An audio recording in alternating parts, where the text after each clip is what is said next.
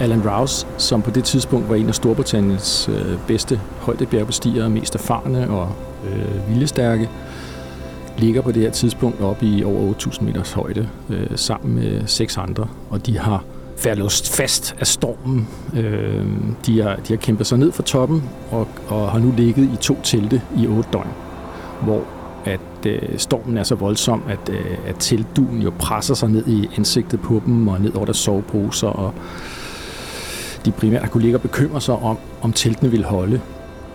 Hans øh, teltmarker, øh, Mufka Wolf, en, en, øh, en polak, kvindelig polak, øh, og Kurt Dimberger, østriger, de har lagt mærke til, at øh, Allan Raus, han, han tror, at, at øh, han er frisk. Han tror, at han kan lave koge vand, selvom gassen har været væk i, i mange dage. De kan ikke koge vand. Han er delirisk i en eller anden forstand. Han er, han er skadet. Hans hjerne har taget skade af højden. Så han ved ikke rigtigt, øh, hvor han er, og, og, og hvilken situation han er i. Men de ved, at de er nødt til at forlade ham, selvom han er i live. Over i det andet telt, der sidder der øh, tre øh, østrigere, og ved siden af dem, der ligger Kurt Dienbergers marker, Julie Tullisch, og hun er allerede død for flere dage siden. Så nu er der en pause i stormen, hvor de tænker, nu, nu må vi også gå. De er så tæt på at omkomme, at de tænker, nu øh, vi er nødt til at komme væk. De har ligget der i otte døgn. Normalt kan man ligge i den højde, ja helst ikke mere end et døgn, og, og nogen overlever en to-tre døgn, men at overleve i otte døgn, det er usædvanligt. Så de øh, samler alt, hvad de har af deres sidste viljekræfter og, og forlader lejren øh, og forlader Alan Rouse, som ligger tilbage levende.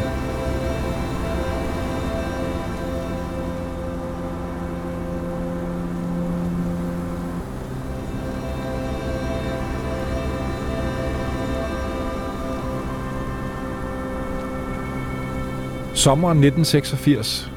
Vi befinder os højt på K2, verdens næsthøjeste bjerg. En lavine har slået to amerikanere ihjel, og dernæst rammer en kædereaktion af ulykker mange andre på bjerget. Hele 13 bjergbestiger omkommer, mens andre overlever med det yderste af de svært forfrosne fingre. I dag skal vi stifte bekendtskab med K2, dets farverige og spændende historie, og så dykker vi ned i et af de mest skæbnesvangre år på bjerget, nemlig 1986, hvor næsten alt går galt. Du lytter til den yderste grænse. Jeg hedder Bjørn Harvi, og i dag har jeg besøg af Søren Schmidt, som jo har været med flere gange tidligere, så det er bare så skønt at se dig igen, Søren. Ja, tak skal I have.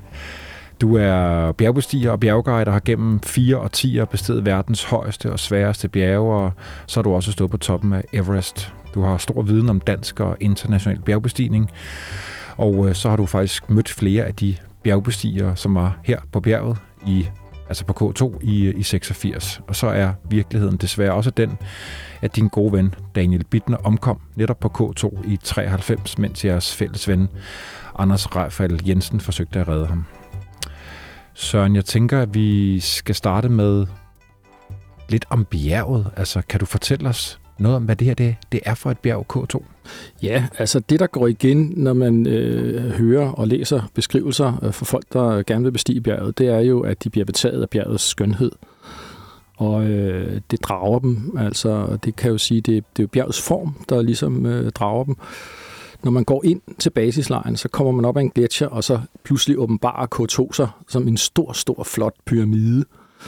Og der er jo et eller andet ved den her pyramideform, som er ligesom den perfekte form, øh, som altså drager øjet, kan man sige, og i det hele taget sætter drømme i gang hos folk, fordi der er et eller andet med at bevæge sig op ad pyramiden og nå toppen på pyramiden. Ikke? Og det er også det, vi ligesom forbinder med sådan et Anders Sandbjerg, ikke? Et, et, en, en spids pyramidebjerg. Så, så det tror jeg er en, en væsentlig ting, at øh, det sætter nogle, øh, noget, noget i gang i os mennesker, som vi måske ikke er sådan specielt bevidste om. Men vi ved jo godt, at øjet drager sig skønhed i alle dets former. Ikke?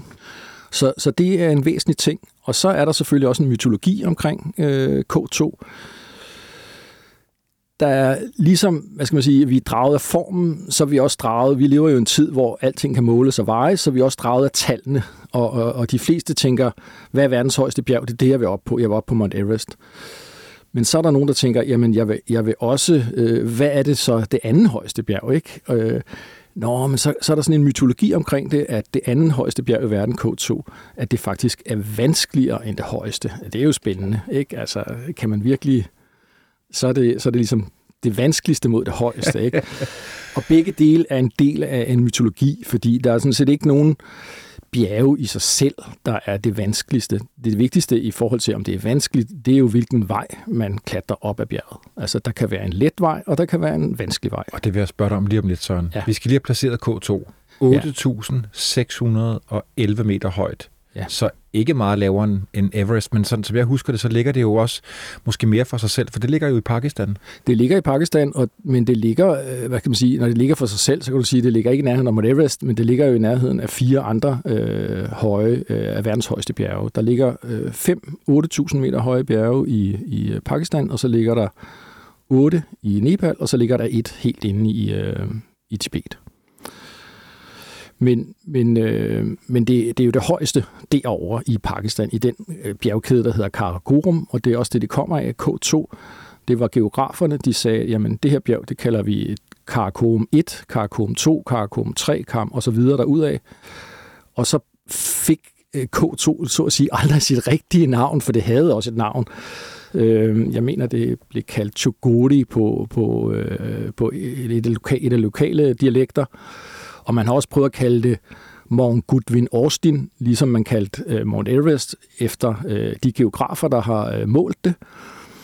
Men det er aldrig rigtig slået an, det her med Mount Good, øh, Goodwin Austin. Der, der er et eller andet sådan ved, ved K2, der er et eller andet øh, anonym ved det, hvor man kan ligesom skrive sine drømme ind i det her, i det her navn. Øh, så, øh, så så der er sådan lidt forskellige, øh, tænker jeg, motivationer til det. Og så, så, er, så er der også et eller andet ved det her med, at det er, det er et udfordrende bjerg. Der er ingen tvivl om, at, at når man nu siger, at det er vanskeligere end, end Mount Everest, så tænker man jo ikke på alle ruter. Øh, så tænker man på den nemmeste vej på K2 i forhold til den nemmeste, de nemmeste veje på Mount Everest. Søren, det bliver rigtig ofte omtalt som verdens farligste bjerg, verdens vanskeligste bjerg. Hvad, hvad synes du om det? Ja, men altså, det, det synes jeg, at øh, vi, kan jo, vi kommer ikke udenom, at øh, hvad skal man sige, øh, massemedierne jo spiller en rolle i det her. Ikke? Øh, og, og journalister, de er jo ikke altid øh, vidne om, hvad det egentlig er, de fortæller om. Øh, og, og du ved, sex og død, det sælger, ikke? Øh, så, så jo mere dramatisk det kan øh, blæses op, jo, jo bedre er det. Så så altså, jeg er ikke rigtig med på, at det er verdens vanskeligste bjerg. Altså, der er, øh, det er vanskeligt, og det, det er alle de 8.000 meter høje bjerg. Og det der med, om det er det farligste, det er jo faktisk, det er faktisk ikke helt sandt. Altså, bjerge er vel heller ikke farlige? Det er nej, den situation, ikke... mennesket sætter sig selv i på Ja, altså man kan sige, bjerge, de ligger der jo bare. De er jo, øh, så at sige, ligeglade. Ikke? Men, men, og man kan jo Altså hvis det gælder om at gøre det farligt, så kan man jo bare tage ned og bestige Mont Blanc for eksempel. Ikke? Altså det, der dør jo 40 mennesker i det område hvert år og det gør der også over i, i Schweiz omkring Matterhorn. Men der er noget med, at i forhold til øh, andre bjerge ude i de høje bjerge, der, der synes jeg, jeg, jeg ser en tendens til, at man siger, at vejret kommer meget hurtigt på K2, altså det dårlige vejr. Og man bliver fanget op, og der har været før i tiden en tradition for, at man ikke brugte ild på K2, fordi det er lige præcis ikke så højt, at man behøver ild, ligesom man gør på Mount Everest. Det har så ændret sig med, med turistindustrien, hvor man bruger ilt øh, øh, en stor del af vejen. Men om det er farligt eller ikke farligt, det kommer fuldstændig an på dagen og situationen. Ikke? Altså, du kan have øh, vindstille, blå himmel, alt spiller, du er i god form, du har det godt, så, så øh, er det, og det fryser lige den rigtige temperatur, eller du kan have storm, og du kan have varmegrader, for eksempel, hvor, hvor is og sne øh, jo øh, så bliver farligt, ikke? så er der jo bare, eller der kan være stort øh, snefald, så kan der jo være far for sniskred, ikke? Så der er, så vidt jeg husker, tre sådan exceptionelt vanskelige passager. Et af dem det, det der hedder House Chimney. Ja, uh, House Chimney blev bestedet i, i 38. Der var en, en amerikansk rekognoseringsekspedition, hvor uh, Bill House uh, klatrede en passage på et sted mellem 30 og 50 meter. Han var en meget dygtig klippeklatrer, og det er en, en, en, en, lige skal man sige, en nøglepassage op ad bjerget. Og han friklatrede faktisk passagen i 1938, øh, for der var jo ikke nogen, der Hold havde... Op. Ja, der, der var ikke nogen, der havde sat reb op til ham. Og så har der jo siden da hængt en stige, øh, sådan en bjergbestigningsstige, eller sådan en grottestige, man kan klatre op af. Så alle efterfølgende, øh, hvad skal man sige, præsterer jo sådan set mindre end Bill House. Men Houses Chimney er en passage, som der er nogle tre nøglepassager på K2. Houses øh, Chimney, øh, hvor der sker også rigtig mange ulykker, fordi det er et stejlt sted, og hvis du ikke er ved dine fulde fem, eller ikke er opmærksom, så kan du jo falde ned, øh, og, og så går det galt. Så er der noget, der hedder Black Pyramid, noget længere op, lige under den var 3, mener jeg, som også er sådan et lidt stejlere sted. Og så kommer du op til det, øh, den sidste store, øh, eller sidste vanskelige passage, der hedder Bottleneck, op omkring 8.300-8.400, lige under toppen, hvor øh, der for det første er en kæmpe serak. Altså man skal forestille sig en isvæg på øh, 50-100 meter, øh, som ligesom gletsjer brækker af en gang imellem. Øh, og det er jo ikke rart at befinde sig under sådan en.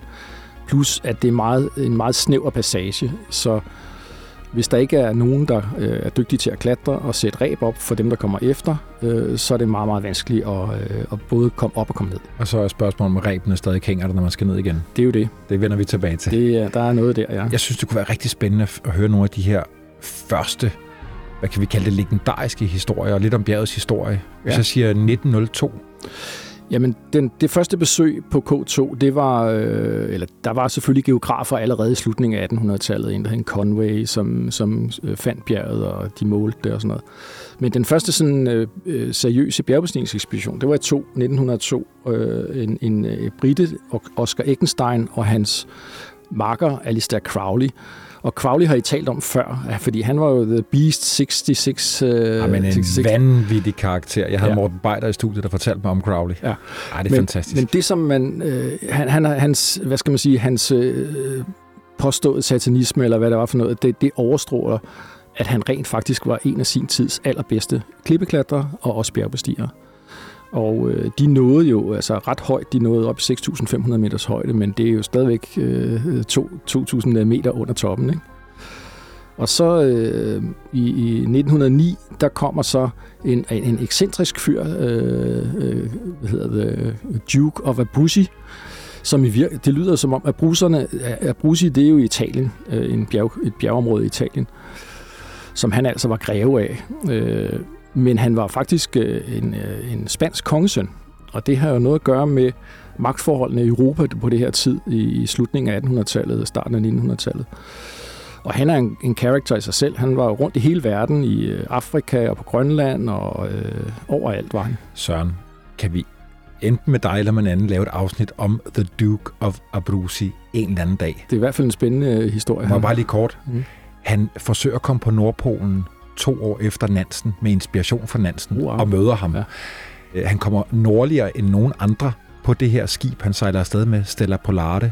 Han tager til Uganda, som åbenbart har været Stanleys sidste ønske, ja. bestiger 16 toppe, et af dem er opkaldt efter ham. Ja. Så er der Første Verdenskrig, og så kommer han på K2. Jamen altså, jeg røg et fuldstændig kaninhul i går, og så har jeg læst om ham. Han er, han er en fantastisk spændende fyr. Ja, men altså, han havde så også midlerne til at, og ikke at lave andet. Jo, jo, formentlig. På, øh, på K2 nåede de øh, ikke så højt. De nåede 6.200, men han har jo fået opkaldt standardruten efter sig. Den hedder nu Abusi Ridge, som er hans navn. Og måske lidt... Øh, Øh, måske har han fået lidt, lidt øh, ekstra credit faktisk, selvom han, han øh, måske ikke øh, præsterede det store. Der var andre, der, der præsterede mere øh, end ham. Øh, han nåede til gengæld rigtig højt på et andet bjerg, Chocolisa, som ligger lige ved siden af. Øh, nåede han helt op i 7.500, så det var ikke, fordi han var uden evner. Øh, absolut ikke. Søren, hvad sker der i, i årene der fra 1909 og så til 54? Ingen af de højeste bjerge er jo besteget, og øh, der går nationalisme i det. De skal jo bruge penge, øh, så, så nationalismevognen bliver ligesom spændt for, og, og så er der sådan en tendens til, at Mount Everest, det er briternes bjerg. Øh, K2, det bliver så amerikanernes bjerg, fordi de sender så en tre, øh, tre ekspeditioner afsted øh, for at bestige K2.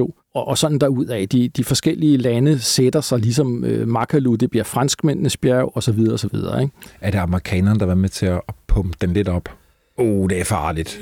Det, det, altså, ja, ja, det, det synes jeg ikke, man kan sige, fordi det, det, er jo, det er jo typisk, at når det kommer i medierne, så, øh, så, så er det mediemaskinen, der går i gang. Og, og, øh, og så kan du jo tale lige så fornuftigt og, og nede på jorden, du vil, fordi øh, journalister lever af, af, hvad hedder det, af konflikter, og, og skal ligesom have skabt et drama. Så hvis der ikke er et drama, så må de, de, de finder jo dramaet simpelthen. Ikke?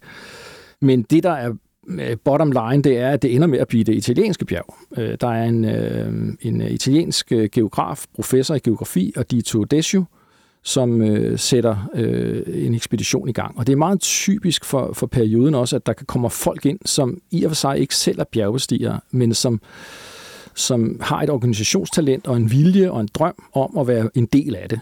Og, og det har han også. Og øh, den store italienske national ekspedition kommer afsted. 1954. 1954. Og de lykkedes med at sætte Achille Campanoni på toppen med Lino Lacidelli. Og øh, dens tids dygtigste italienske bjergbestiger, Walter Bonatti, han er også med og, og øh, arbejder egentlig mere solidarisk end de andre, og han er måske ikke så god til det strategiske spil, fordi der er jo et eller andet spil på den her, øh, fordi det er alle mulige folk, der kommer med alle mulige grunde, og det ender med en konflikt, hvor Bonatti faktisk er også tæt på toppen, men, men øh, der bliver ikke tid til, at han kommer op, og der er også noget med, at, at der er nogen, der svigter ham øh, i det her. Men bottom line er, at italienerne er de første, der bestiger øh, K2. Og så går der en lang periode til 1975, hvor bjerget er lukket, fordi øh, Pakistan har en konflikt med Indien øh, over øh, Kashmir og, og det område deroppe. Og faktisk så ligger altså øh, det her krigsområde eller, eller øh, konfliktområde ikke så langt fra. Der er sådan en grænsedragning, og der har der har været stor militær aktivitet. Altså både pakistanerne og inderne har haft øh, militære poster ude i de her bjerge. altså man tænker, det er helt vanvittigt, ikke? De har ligget oppe i passene der med deres øh, rifler og kanoner, og jeg ved ikke hvad. Jeg har cyklet Karakorum Highway, så okay. jeg har også cyklet ja. tæt på. Jeg, okay. jeg var ikke forbi Skarterdu, som er den der lille ja, ja. landsby, der ligger for... Ja. Den ligger jo ikke for foden af K2, men er den tætteste landsby. Fantastisk område. Så. Ja, men det er meget, meget smukt. Jeg har selv været i området. Jeg har ikke været på K2 eller inde ved K2, men jeg, men jeg har rejst i området, og jeg har også kørt op ad highwayen jeg, og, og ned ad den, men jeg kørte godt nok i bil, som så til gengæld ikke havde noget mønster i dækket. Altså, det var godt nok vanvittigt. Der er kun én hastighed, ikke? Det, enten står de stille, eller også kører de fuld kraft. Med 50 høns bag Ja, og 25 mand ind i en eller anden lille Ford Transit. Der, der, er, der er lukket helt ned til 75. Ja. Så åbner det op i 75, og så springer vi frem til 86, som ligesom ja. bliver dagens hovedhistorie. Hvor starter vi så i 86, Søren? Fordi så vidt jeg husker, så er der ni ekspeditioner afsted på bjerget den sommer der. Alle har harcelerer over ni ekspeditioner ikke? Øh, dengang, fordi der var det meget almindeligt, at der var én ekspedition, i hvert fald kun én ekspedition på den her rute, og en ekspedition på den anden rute, og en ekspedition på den tredje rute. Her har bjerget fået, øh, har, har myndighederne givet ni tilladelser, men til gengæld også på i hvert fald 5, 6, 7 ruter, så i og for sig er de fordelt, men det siger jo noget om tiden, at dengang, der var man vant til, at når man havde fået en tilladelse, så var det altså en eksklusiv. Øh, så havde man ruten. Det gælder jo om, hvad skal man sige, kan vi i den her gruppe, som er taget afsted, kan vi bestige bjerget af den her rute, vi har valgt? Og ikke, at der er 500 mennesker på ruten, så i virkeligheden bliver det en sådan joint effort med, med alle mulige, som man jo ikke har nogen relation til. Så det usædvanlige er, at øh, englænderne har en rute, øh, polakkerne har en rute, øh, italienerne har en rute, og, og så er der nogen, der har standardruten øh, af Brucey øh, Ridge. Øh. Så, så der er mange mennesker på bjerget, og det, det, det så kulminerer i, det er, at de, nogle af dem lykkes, nogle af dem lykkes ikke. På et tidspunkt så er sæsonen ved at være til, til ende, og så er der nogle af dem, der ikke er lykkedes. De går sammen, og så kaster de sig over det, som de jo i princippet, nogle af de dygtige, de tænker jo, det her det er walk in the park, vi skal bare op ad normalvejen, op ad Bushy Ridge. Det er hurtigt overstået.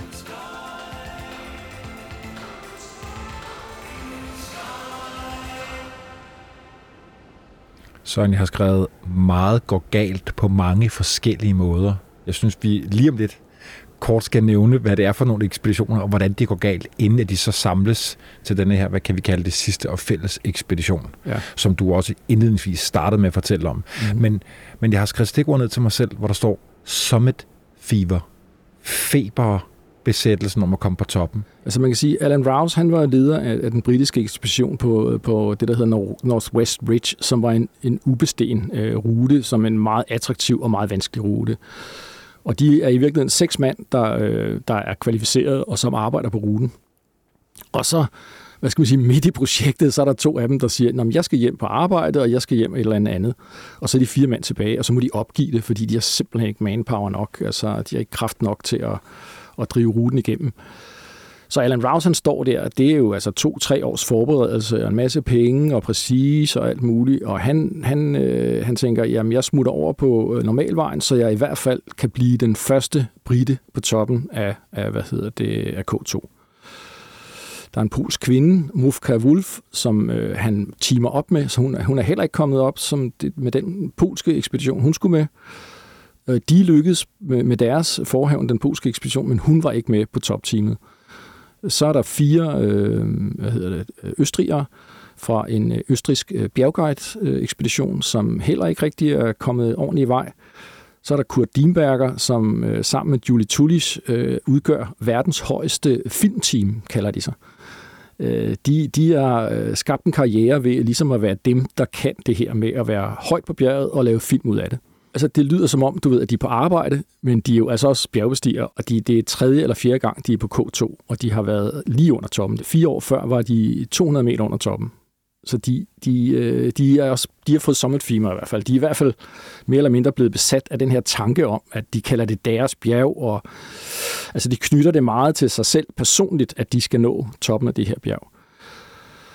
Så der er sådan en gruppe øh, på syv øh, mennesker, der går sammen og de har faktisk ikke tilladelse til det, så de laver en ulovlig bestigning, og så de tænker, du ved, nu gør vi det, vi vil, og så tager vi øh, smækket bagefter. Og alle andre er stort set rejst hjem, undtagen en britisk øh, fotograf, der hedder Jim Curran, som også ender med at skrive en bog og lave en film om, øh, om det her, der foregik på bjergene. Hvad tænker du om det her begreb, Summit Fever? Jamen, det er jo der, hvor at, øh, hvad skal man sige, ambitionerne og lidenskaben får lov til at, at øh, overgå øh, fornuften, ikke? Øh, hvor du ligesom kaster den der brik ud af hjernen, der hedder din fornuft og disciplin, hvor du godt ved, jamen, det rigtige at gøre, det er at, at følge den her plan, eller have en plan overhovedet, ikke? Og, og overholde de grundlæggende principper, så man undgår ulykker i videst mulig omfang. Man kan jo ikke, øh, der er jo noget, der hedder held og tilfældighed også, men du kan jo planlægge dig ud af rigtig meget, og du kan øh, organisere dig ud af rigtig meget og gøre de rigtige ting. Altså man kan godt få, øh, af forskellige grunde kan man få øh, sådan en tunnelsyn, ikke? Øh, eller man, bliver, øh, man giver efter for sin lidenskab, øh, man giver efter for sine ambitioner, man giver efter for det, man tænker er et udvendigt pres. Jeg kan ikke komme hjem uden den her succes, øh, fordi hvem er jeg så? Så er jeg bare en fiasko.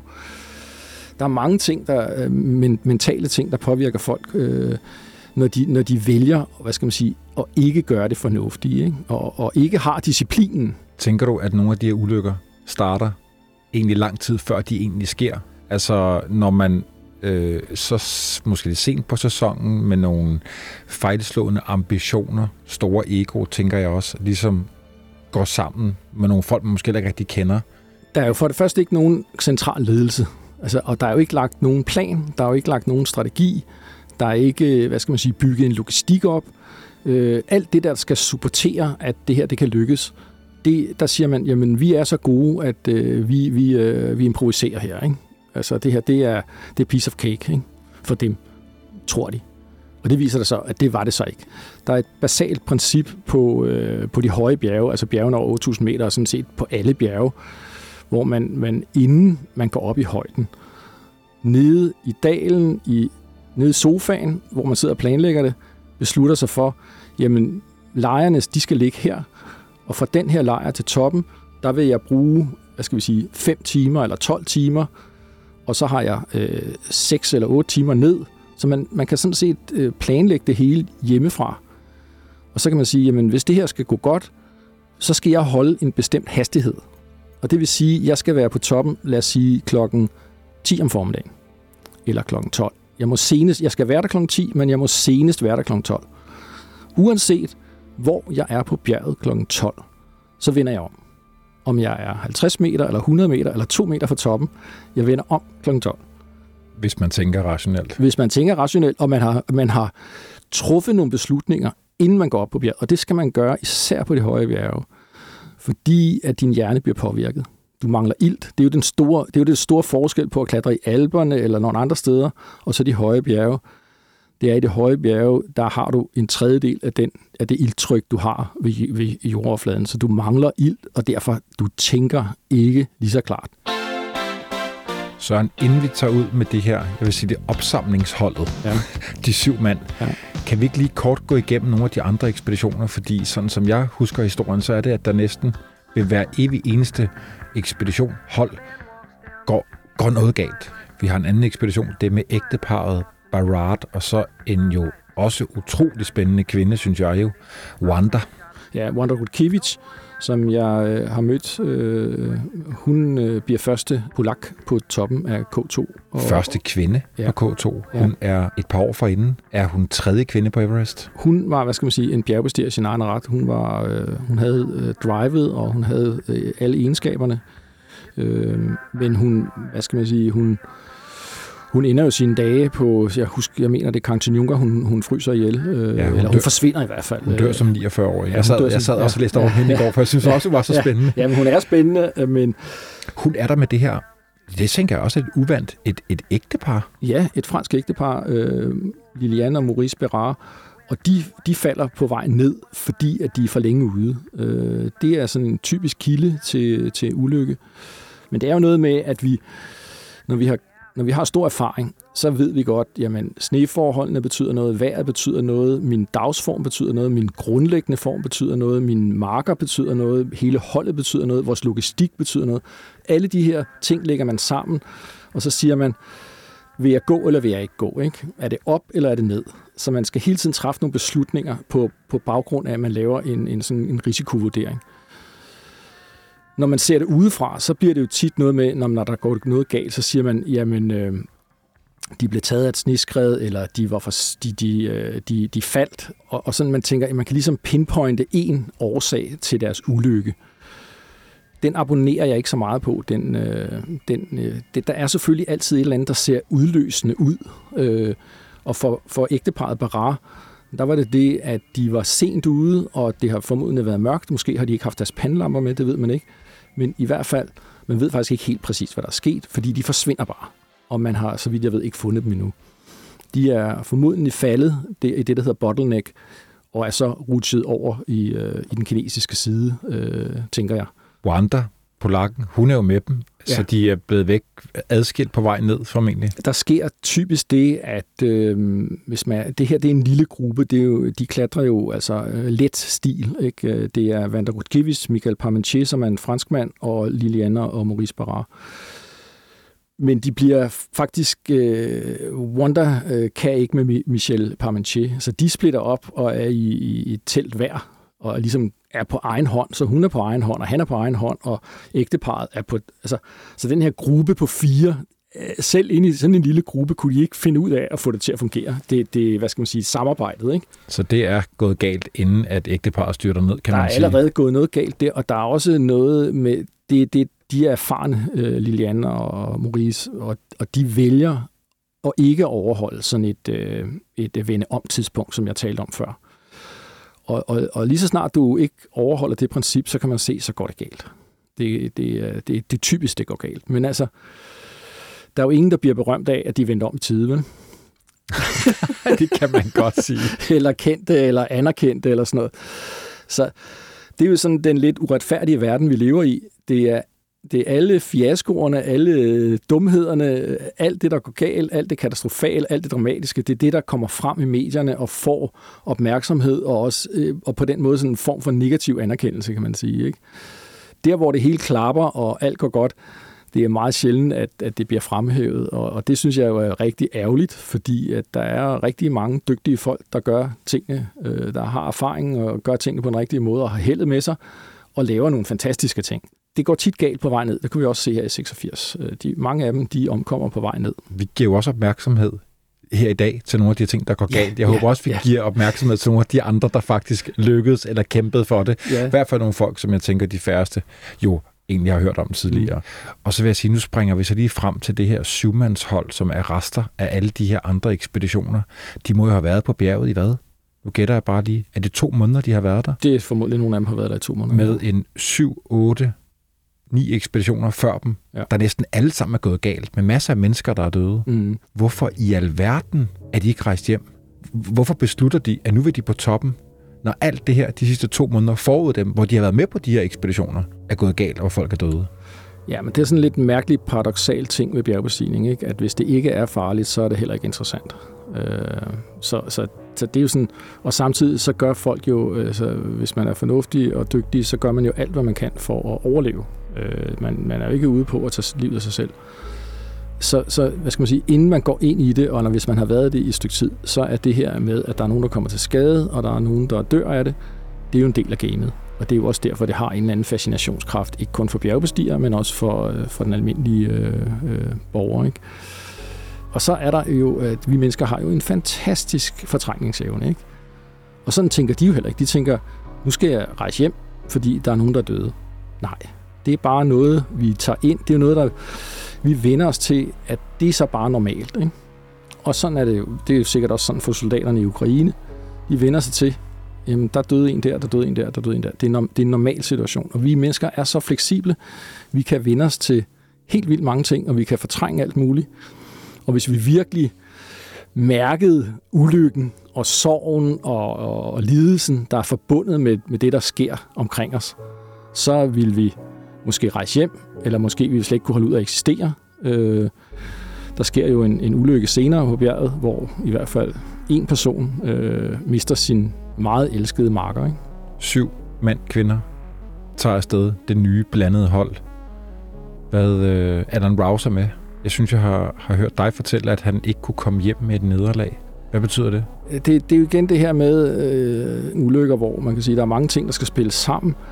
Så vil jeg sige, at når man analyserer de her ulykker, så kan man meget tydeligt se, at øh, ulykkerne starter ofte et helt andet sted, end, øh, end der, hvor øh, selve ulykken sker. Du kan altid spole filmen tilbage, og så kan du finde alle mulige punkter på linjen, hvor der er noget, der spiller ind. Og for Alan Rouse, der tror jeg, at, øh, at øh, han havde... Øh, det, det, det har også været et game, hvor der har været nogle sponsorer, og der har været nogle organisationer indover, der har støttet med økonomi og sådan noget. Og for nogle, nogle mennesker er jo i stand til ligesom at skille tingene ad og sige, jamen der er nogen, der støtter mig, og de er jo så at sige med på risikoen her. Ikke? Det kan gå godt, og det kan gå skidt, så måske får de noget for deres penge, måske får de ikke noget for deres penge. Og nogen øh, øh, øh er mere, hvad skal man sige, ligger under for presset og tænker, nu har, jeg, nu har de støttet mig, nu skal jeg levere. Og sådan er der jo også med, man har fortalt sine venner, når nu skal jeg ud og bestige det her bjerg. Og, øh, der er et kamerahold med. Der er et kamerahold med, der skal blive en film ud af det. Og der var også den store øh, historiske belønning. Han kunne blive den første øh, for Storbritannien, der når toppen. Så der havde været meget pres på ham. Altså, når man, når man tænker over, hvorfor, han var jo ikke en ubegavet person. Altså, hvorfor har han øh, givet efter for, for alle de her typer pres? Han har ikke kunne, øh, tænker jeg, stå imod det overfor, altså i, i sine egne ambitioner og ikke kunne sige, jamen den ekspedition, som jeg er leder af, den lykkedes ikke. Nu tager vi hjem, og så, øh, så kommer vi os over det, og så planlægger vi en ny, ny tur en anden dag. Hvordan var det? Havde han været på forsøg på Everest et par år tidligere? Hvordan var det med Alan Rouse? Han havde været på Everest, og han havde også været andre steder, på andre høje bjerge. Han, han, han havde en, i hvert fald sin succesfuld track record. Du kan ligesom forestille dig, at du kommer ind i, i, i sådan et game. Det er jo sikkert det samme. Folk har en, en, en hvad skal man sige, en erhvervskarriere i hvert fald ledelsesmæssigt, så, så, så skal du helst op ad stigen, fordi øh, hvis du står stille, så er du en fiasko, eller hvis du, hvis du kommer ned af, af, af karrierestigen, så er du også en fiasko. Ikke? Altså, så selvom folk måske ikke rigtig får spurgt sig selv, jamen det her er virkelig noget for mig? Altså, skal jeg i virkeligheden videre i det her, eller skulle jeg måske have et helt andet job, for eksempel? Ikke? Fordi jeg trives egentlig ikke. Jeg sover ikke om natten, jeg drikker for meget, jeg får ikke dyrket sport osv. Sådan er det også øh, for bjergbestiger. Og Alan Rouse havde faktisk, altså han havde faktisk udtalt sig i en retning, hvor man tænker, han var en meget dygtig klippeklatrer. Og han havde sagt til nogen, at nu var han skulle træt af det her øh, højde game, ikke? Med højde fordi det er meget lidelsesfuldt. Du sover ikke om natten, du spiser dårligt, det er koldt af helvede til, det er tit uforudsigeligt, øh, det, succesraten er lille, og, og han, han var egentlig nået dertil, at, at det, som egentlig gav ham glæde og fornøjelse, det var at klatre på klipper. Så han havde udtrykt over for venner og bekendte, at, at øh, nu er det skulle slut med det her. Nu vil han tilbage til det, der virkelig gjorde ham glad og tilfreds. Bare lige et bjerg til. Ja, han skulle bare lige være den første for Storbritannien, der kom på K2, fordi så var hans navn jo ligesom udødeligt gjort, ikke? Søren, det er Alan Rouse, der ligger i teltet i den der, hvad kan vi kalde det, meget dramatiske og svære situation i teltet, som du startede ind med. Hvordan havner de syv mænd, kvinder, i den situation? Jamen, der sker det på forskellig vis. Har de nået toppen eller ikke nået toppen, og der kommer en storm. Altså vejret ændrer sig, og øh, afhængig af hvem du spørger, så, øh, så har de faktisk kunne se det på lang tid i forvejen, og for nogen, der kommer det som en overraskelse. Og de kommer også meget sent på toppen, så vidt ja. jeg husker. Der er nogle af dem, der når toppen ja, klokken halv seks. Ja, Kurt Dienberger og Julie Tullis, de er først op halv seks. De har været der tre eller fire gange før. De har på tidligere ekspedition været 200 meter under toppen. Og de, de, skal man sige, de skaber også en historie om sig selv, som handler om deres identitet, at det er deres bjerg, og det, det knytter dem sammen, det her med, at de, at nu skal, de skal bestige det her bjerg. De bliver, øh, altså de bliver grebet af en eller anden form for, du kan sige, summit fever, en eller anden art. Det er en lidt anden type, end det her Alan Rouse øh, er, er motiveret af. Men der er i hvert fald ingen tvivl om, at denne, de har også haft en masse modstand, en masse, masse der mislykkedes. Nu er det måske også deres sidste chance for at komme på toppen af K2. Så de fortsætter lige til lige før solnedgang, og så undervejs ned, så bliver det jo mørkt, og Julie Tullis falder faktisk også, så de falder 100 meter sammen, men de er heldige, at øh, de ikke ryger ud over noget. De stopper, de kommer ned et, mm, et eller andet, der bremser dem. Og de ender med, at de så bliver klar over, at vi kan ikke fortsætte i mørket. Så de sætter sig og bivakerer op i omkring 8.400 meter. Hold ja, ja, Uden telt? Det er en, uden telt. De sidder bare i sneen. Det er jo øh, iskoldt. Nej, nej, nej. Ja, og, og, og som regel vil man jo få forfrysninger både i fingrene og i tæerne. Alan Rouse har været op tidligere, og øh, hans marker, øh, Mufka Wolf, øh, den polske øh, kvinde, hun er for langsom. Hun har ellers været meget stærk, men hun er for langsom, og øh, en østriger, der hedder Bauer, overtaler hende til at gå ned. Men under andre omstændigheder, så er de i hvert fald samlet i, øh, i den øverste lejr omkring øh, 8, 8 km højde øh, dagen efter den, den 5. august øh, 1986.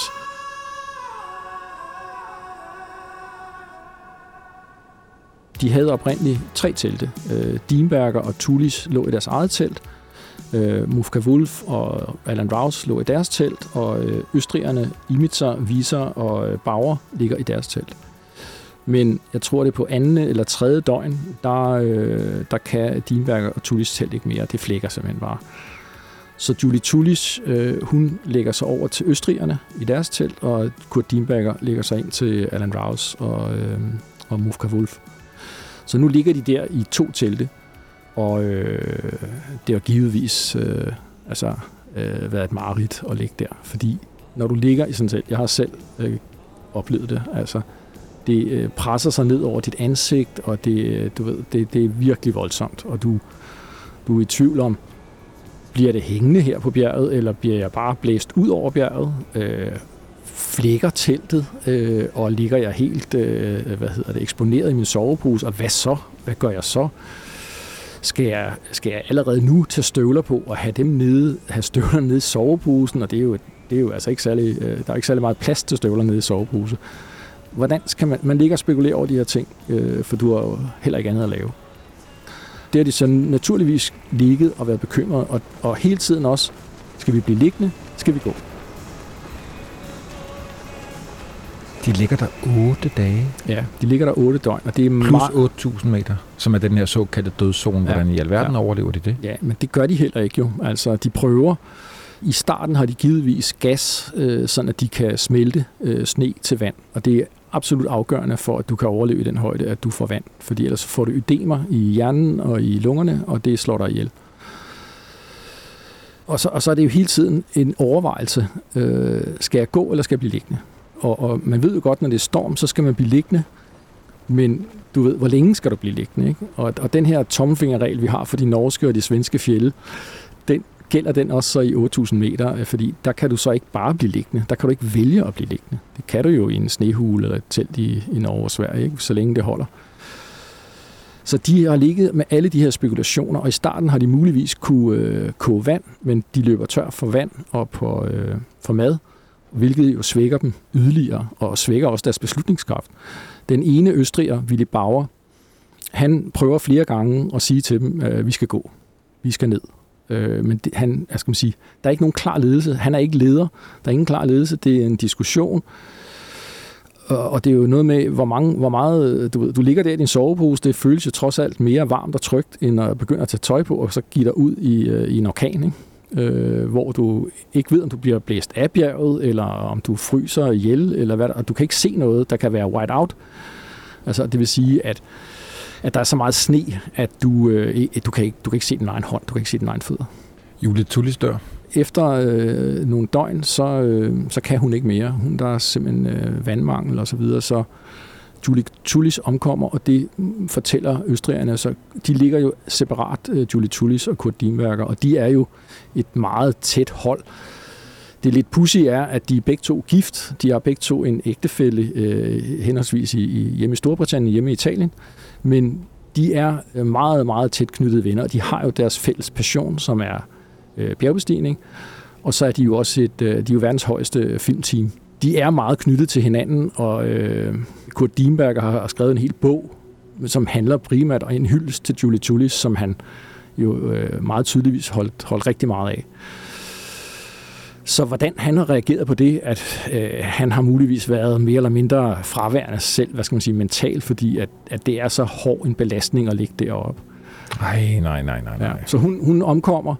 Hun ligger så adskilt fra ham, for hun ligger over hos Østrigerne, og han ligger jo over hos Alan Rouse og, øh, og Mufka Wolf. 10. august. Stormen stopper, eller vinden tager i hvert fald af. Det er, de er i hvert fald nået et tidspunkt, hvor at, øh, de bliver enige om, at nu kan, nu, nu kan de ikke ligge her mere. De får øh, øh taget sig sammen, altså Alfred Imitzer, Hans Wieser, Willy Bauer og øh, i, i Østrigernes telt, de øh, gør sig klar, og Kurt Dienberger og øh, Mufka Wolf gør sig klar. Så de er fem, der... Øh, der bevæger sig ned, og de, øh, de har besluttet sig så for at efterlade Alan Rouse, selvom han er i live. Fordi de er klar over, at han er ikke ved fuld bevidsthed. Altså han er ikke mere en person, der kan tage vare på sig selv, og de kan ikke hjælpe ham. Det man skal forstå, altså hvis man tænker, hvorfor hjælper de ham ikke bare? Det er jo sådan, vi tænker, når vi går rundt hernede på den flade jord. Ja, det vil jeg have da spurgt om. Ja, og der, øh, der må man bare sige, at op i den højde, hvis du kan hjælpe dig selv, er du heldig. Øh, og, og, og hjælpe nogle andre, det er, det er utrolig, øh, en utrolig kraftanstrengelse. Altså nogle gange hører man heldige historier med sherpaer, der er meget, meget stærke i højden, som kan hjælpe, selvom de ikke er så mange. Men ellers så går man ud fra, at man skal være måske 12 stærke, veludvilede, erfarne bjergbestiger for at redde en person. Og selv da kan du ikke have nogen garanti for, at det vil lykkes, fordi det er så vanskeligt at fragte folk ned ad et bjerg. Så det, der kunne måske forekomme som en umoralsk eller uetisk handling og efterlade en, en person, der er levende, det, der gælder altså nogle andre øh, betingelser deroppe. Så synes jeg også, der er et andet meget dramatisk øh, højdepunkt. Ja. det, er, det er Wolf, der ikke kan der ikke kan fire sig ned. Ja, men allerede da de kommer ud af teltene der i 8000 meters højde, så går der jo ikke, øh, så går der ikke så lang tid, så omkommer både Alfred Imitzer og Hans Wieser, de to østrigere de omkommer lige i nærheden af teltene. De er så svækket af at have ligget deroppe i, lagt der, ligget deroppe i, i otte døgn. Altså, de er simpelthen gået ud for kræfter. Altså, så de er dør af udmattelse og kulde og, og højde. Så de er tre, der bevæger sig nedover, videre ned, og det er Kurt Dienberger og øh, Willy Bauer og øh, Mufka Wolf.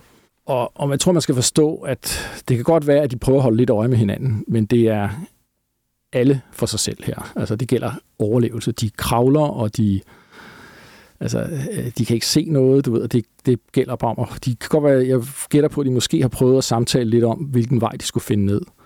Men alle har ansvar for sig selv, og ikke for de andre. Der er desværre sket det for øh, Mufka Wolf, at inden hun tog afsted og skulle pakke, hvor Alan Rouse og hende stod og diskuterede, hvad de skulle tage med, så siger Alan Rouse, jamen den der, øh, det der otte du har til at fire dig ned og ræbne med, det kan du godt undvære. Det behøver vi ikke at bære op. Og det går hun med på. Hun er faktisk kommet med ned. Willy Bauer og, og Dienberger er, er før hende nede. Men hun er tydeligvis så svækket, at, at hun ikke øh, kan holde om rebene og bare fire sig ned ved at glide ned af ræbene. Det vil, det vil man gøre. Altså det vil jeg for eksempel vælge at gøre. Jeg vil bare tage fat i rebene, og så vil jeg gå ned og bare holde fast i rebene. Men det kan, hun kunne for eksempel have så meget øh, hvad hedder det, frostskader i hænderne, at de Ja, dem, der har allermest frostskade, der lyder det bare som to stykker træ, du banker mod hinanden, når, når det er, øh, at de er rigtige. Og så kan du jo ikke, du kan ikke bruge dine hænder mere. Så muligvis har hun ikke kunne klemme om rebet, og så har hun haft brug for sit, øh, sit redskab, sin otte og det har hun efterladt, øh, du ved, 14 dage før, eller 10 dage før. Og man finder hende et år efter, hvor hun er koblet ind i rebene, men, men hun står bare der, hvor hun står. Så hun er, hun er død der, og f- måske frosset ihjel, eller der kan jo være sket rigtig mange ting. Nej, nej, nej, nej, nej. Det, der sker, er, at Willy Bauer er den første, der, øh, der alle i basislejen regner jo med, at folk er døde. Det er klart. Og de er ved at pakke sammen og ved at tage hjem. De sidste, der er tilbage. Øhm, så Willy Bauer, han, han, øh, han, han nærmest kravler ind imod lejren, og de får øje på ham. Øh, og så går de ud og hjælper ham og øh, får ham ind i lejren. Og han fortæller, at Dienberger, så vidt han ved, er efter ham øh, længere op. Og ham her, den, den britiske filmfotograf Jim, Jim Curran, han øh, har en eller anden relation til Dienberger.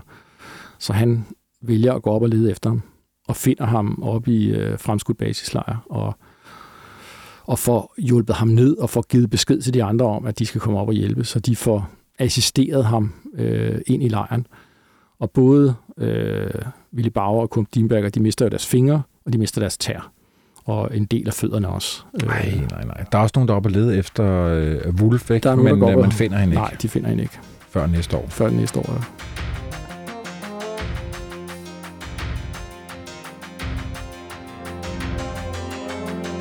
Søren K2 har krævet øh, mange andre store ofre siden. Folk snakker om store katastrofer i årene, der kommer.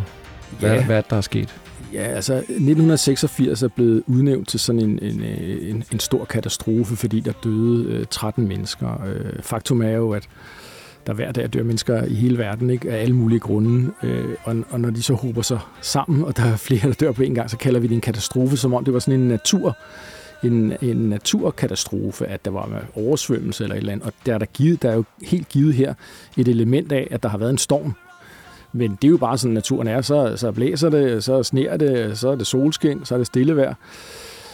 Det er jo ikke sådan, at, at naturen har en vilje og skaber en, så at sige, en katastrofe. Det, det, der sker, er, at der sker nogle ulykker, øh, når mennesker involverer sig i forskellige øh, typer aktiviteter. Og efterfølgende, så har man udnævnt nogle andre år. Det, det er jo typisk, at når der øh, dør flere end en af gangen, øh, eller mange på en sæson, så begynder medierne at kalde det en katastrofe.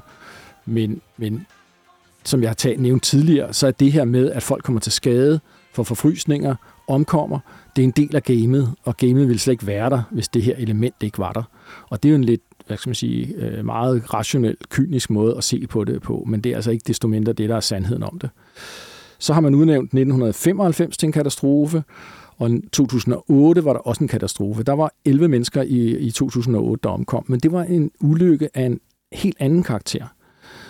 Der er jo sket det siden 1986, at bjergene er blevet mere og mere øh, turistmål. De er blevet kommercialiseret, og i dag kan man jo købe en tur til K2, hvis man vil, og man behøver ingen forudsætninger at have overhovedet, andet end at man har et, øh, et øh, gold card ikke, fra sin bank. Og, og det det, har, det, det er en type ulykker af en anden karakter, fordi det, som man gør på de kommercielle ekspeditioner, det er, at man fra basislejren til toppen sætter, lad os sige, 5.000 meter ræb. Og så skal man, har man sådan en rebklemme, så klipper man sig på rebet, og så skal du sådan set bare trække dig op af rebet hele vejen. Og du skal bagefter så følge rebet ned igen. Men det betyder jo også, at du har sådan en landevej op og ned af bjerget. Og alt det, vi forbinder med bjergbestigning, at man skal være på egen hånd, at man skal kunne finde vej, at man skal kunne klatre med sin isøkse og sin stegejsen, at man kan, skal kunne slå et telt op, man skal kunne lave sin egen mad og træffe alle beslutningerne, ikke desto mindre man skal være sin egen leder på bjerget. Alt det overlader man til øh, et support-team, som ofte består af sherpaer. Når stormen så rammer? Ja, når stormen så rammer, eller når, u, når, når der sker noget uforudset, så har man jo vendet sig til, jamen det er jo min leder, der træffer alle beslutninger. Jeg skal jo ikke tænke eller træffe beslutninger eller have ansvaret for min egen situation. Det har firmaet jo. Jeg har jo betalt dem for at tage det her ansvar, for at sørge for, at alting er i orden. Øh, det kan man bare ikke, fordi den vilde natur, den, den, den er jo ligeglad med, at der er et eller andet firma, der har, øh, der har charget der en halv million for det her. Øh, det, der sker i 2008, det er, at der, nogle af de her ræb, som jeg fortalte om før, der ellers skal udgøre sådan en ubrudt streng fra bund til top, Der er noget is, der falder ned op omkring bottleneck og river skal vi sige, 50 meter af rebet væk. Så da den her gruppe kommer ned, jeg tror, de er, øh, ja, de er i hvert fald 15, så er der ingen af dem, der kan klatre. Der er ingen af dem, der rigtig kan bruge deres stegeisen. Der er ingen af dem, der kan bruge deres isøkse. Der er ingen af dem, der kan finde ud af at, finde, at se i øvrigt, hvor skal jeg gå hen? Hvordan skal jeg gøre? Så de har ingen, de er fanget, ligesom i en musefælde. Der er to af dem. Der er en Sherpa og en, og en hollandsk øh, bjergbestiger, som, som godt kan klatre. Og de, de indser situationen. Jamen, hvis de bliver her, så, øh, så fryser de ihjel, så dør de. Så de klatrer ned. Men resten, de sidder der øh, og er fanget, fordi at der mangler øh, et eller andet øh, 20 meter ræb, 30 meter ræb, 50 meter ræb. Så de sidder simpelthen der og dør. Øh, enten fryser de ihjel, eller også så dør de af højt syge.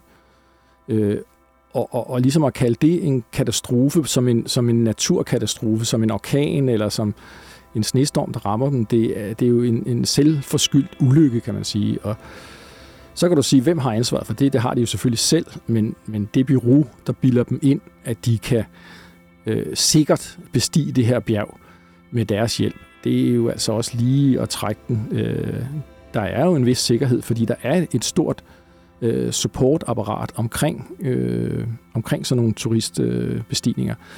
Og der er også diskussioner, skal, skal det foregå på K2? Men som alt i den her verden, så drives det af pengene. Øh, øh, så Indtil for hvad? Fem år siden har der været mindre end 400 mennesker på toppen og nede igen. Og jeg tror bare, de sidste to år har der været... Altså, du må ikke hænge mig op på tallene, men er det 300 mennesker på toppen? Jamen, øh, jeg kan ikke huske tallene heller, men, men vi snakker jo i 100-tal, ikke? Altså, og Så det der gælder, er sket noget. Og det gælder både Mount Everest og, og K2 og alle de andre høje bjerge. Øh, hvad skal man sige? Til forsvar for turistindustrien skal man sige, at de har jo også lært noget siden 1986. Øh, de er jo blevet dygtigere til logistikken og til organiseringen og til supporten. Så de professionelle firmaer, de, de øh, har jo, øh, det handler jo om, om, er der ressourcer nok? Er der sherpaer nok? Er der øh, øh, udstyr? Er der ordentlig organisering? Er der ordentlig planlægning? Er der de rigtige beslutninger? Er det dygtige ledere? Og det er der for en stor del. Øh, det er muligt at gøre det forholdsvis sikkert, og alligevel få, øh, få rigtig mange mennesker på toppen. Søren, vi er kommet til vejs ende. Sådan er det jo. Øh, men vi ses heldigvis snart, fordi øh, vi har aftalt, at du skal gæste studiet igen og fortælle om Everest 96. Ja, men det bliver, det bliver da spændende. Det glæder jeg mig til. Vi Ja. ses så. Ja, det gør vi. Hej.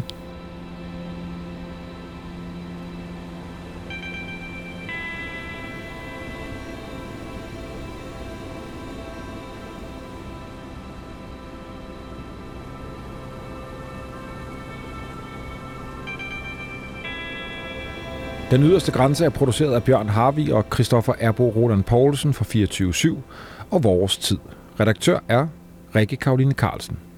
En særlig tak til Discovery Docs, BBC, Real Big Production og Australian and Arctic Division.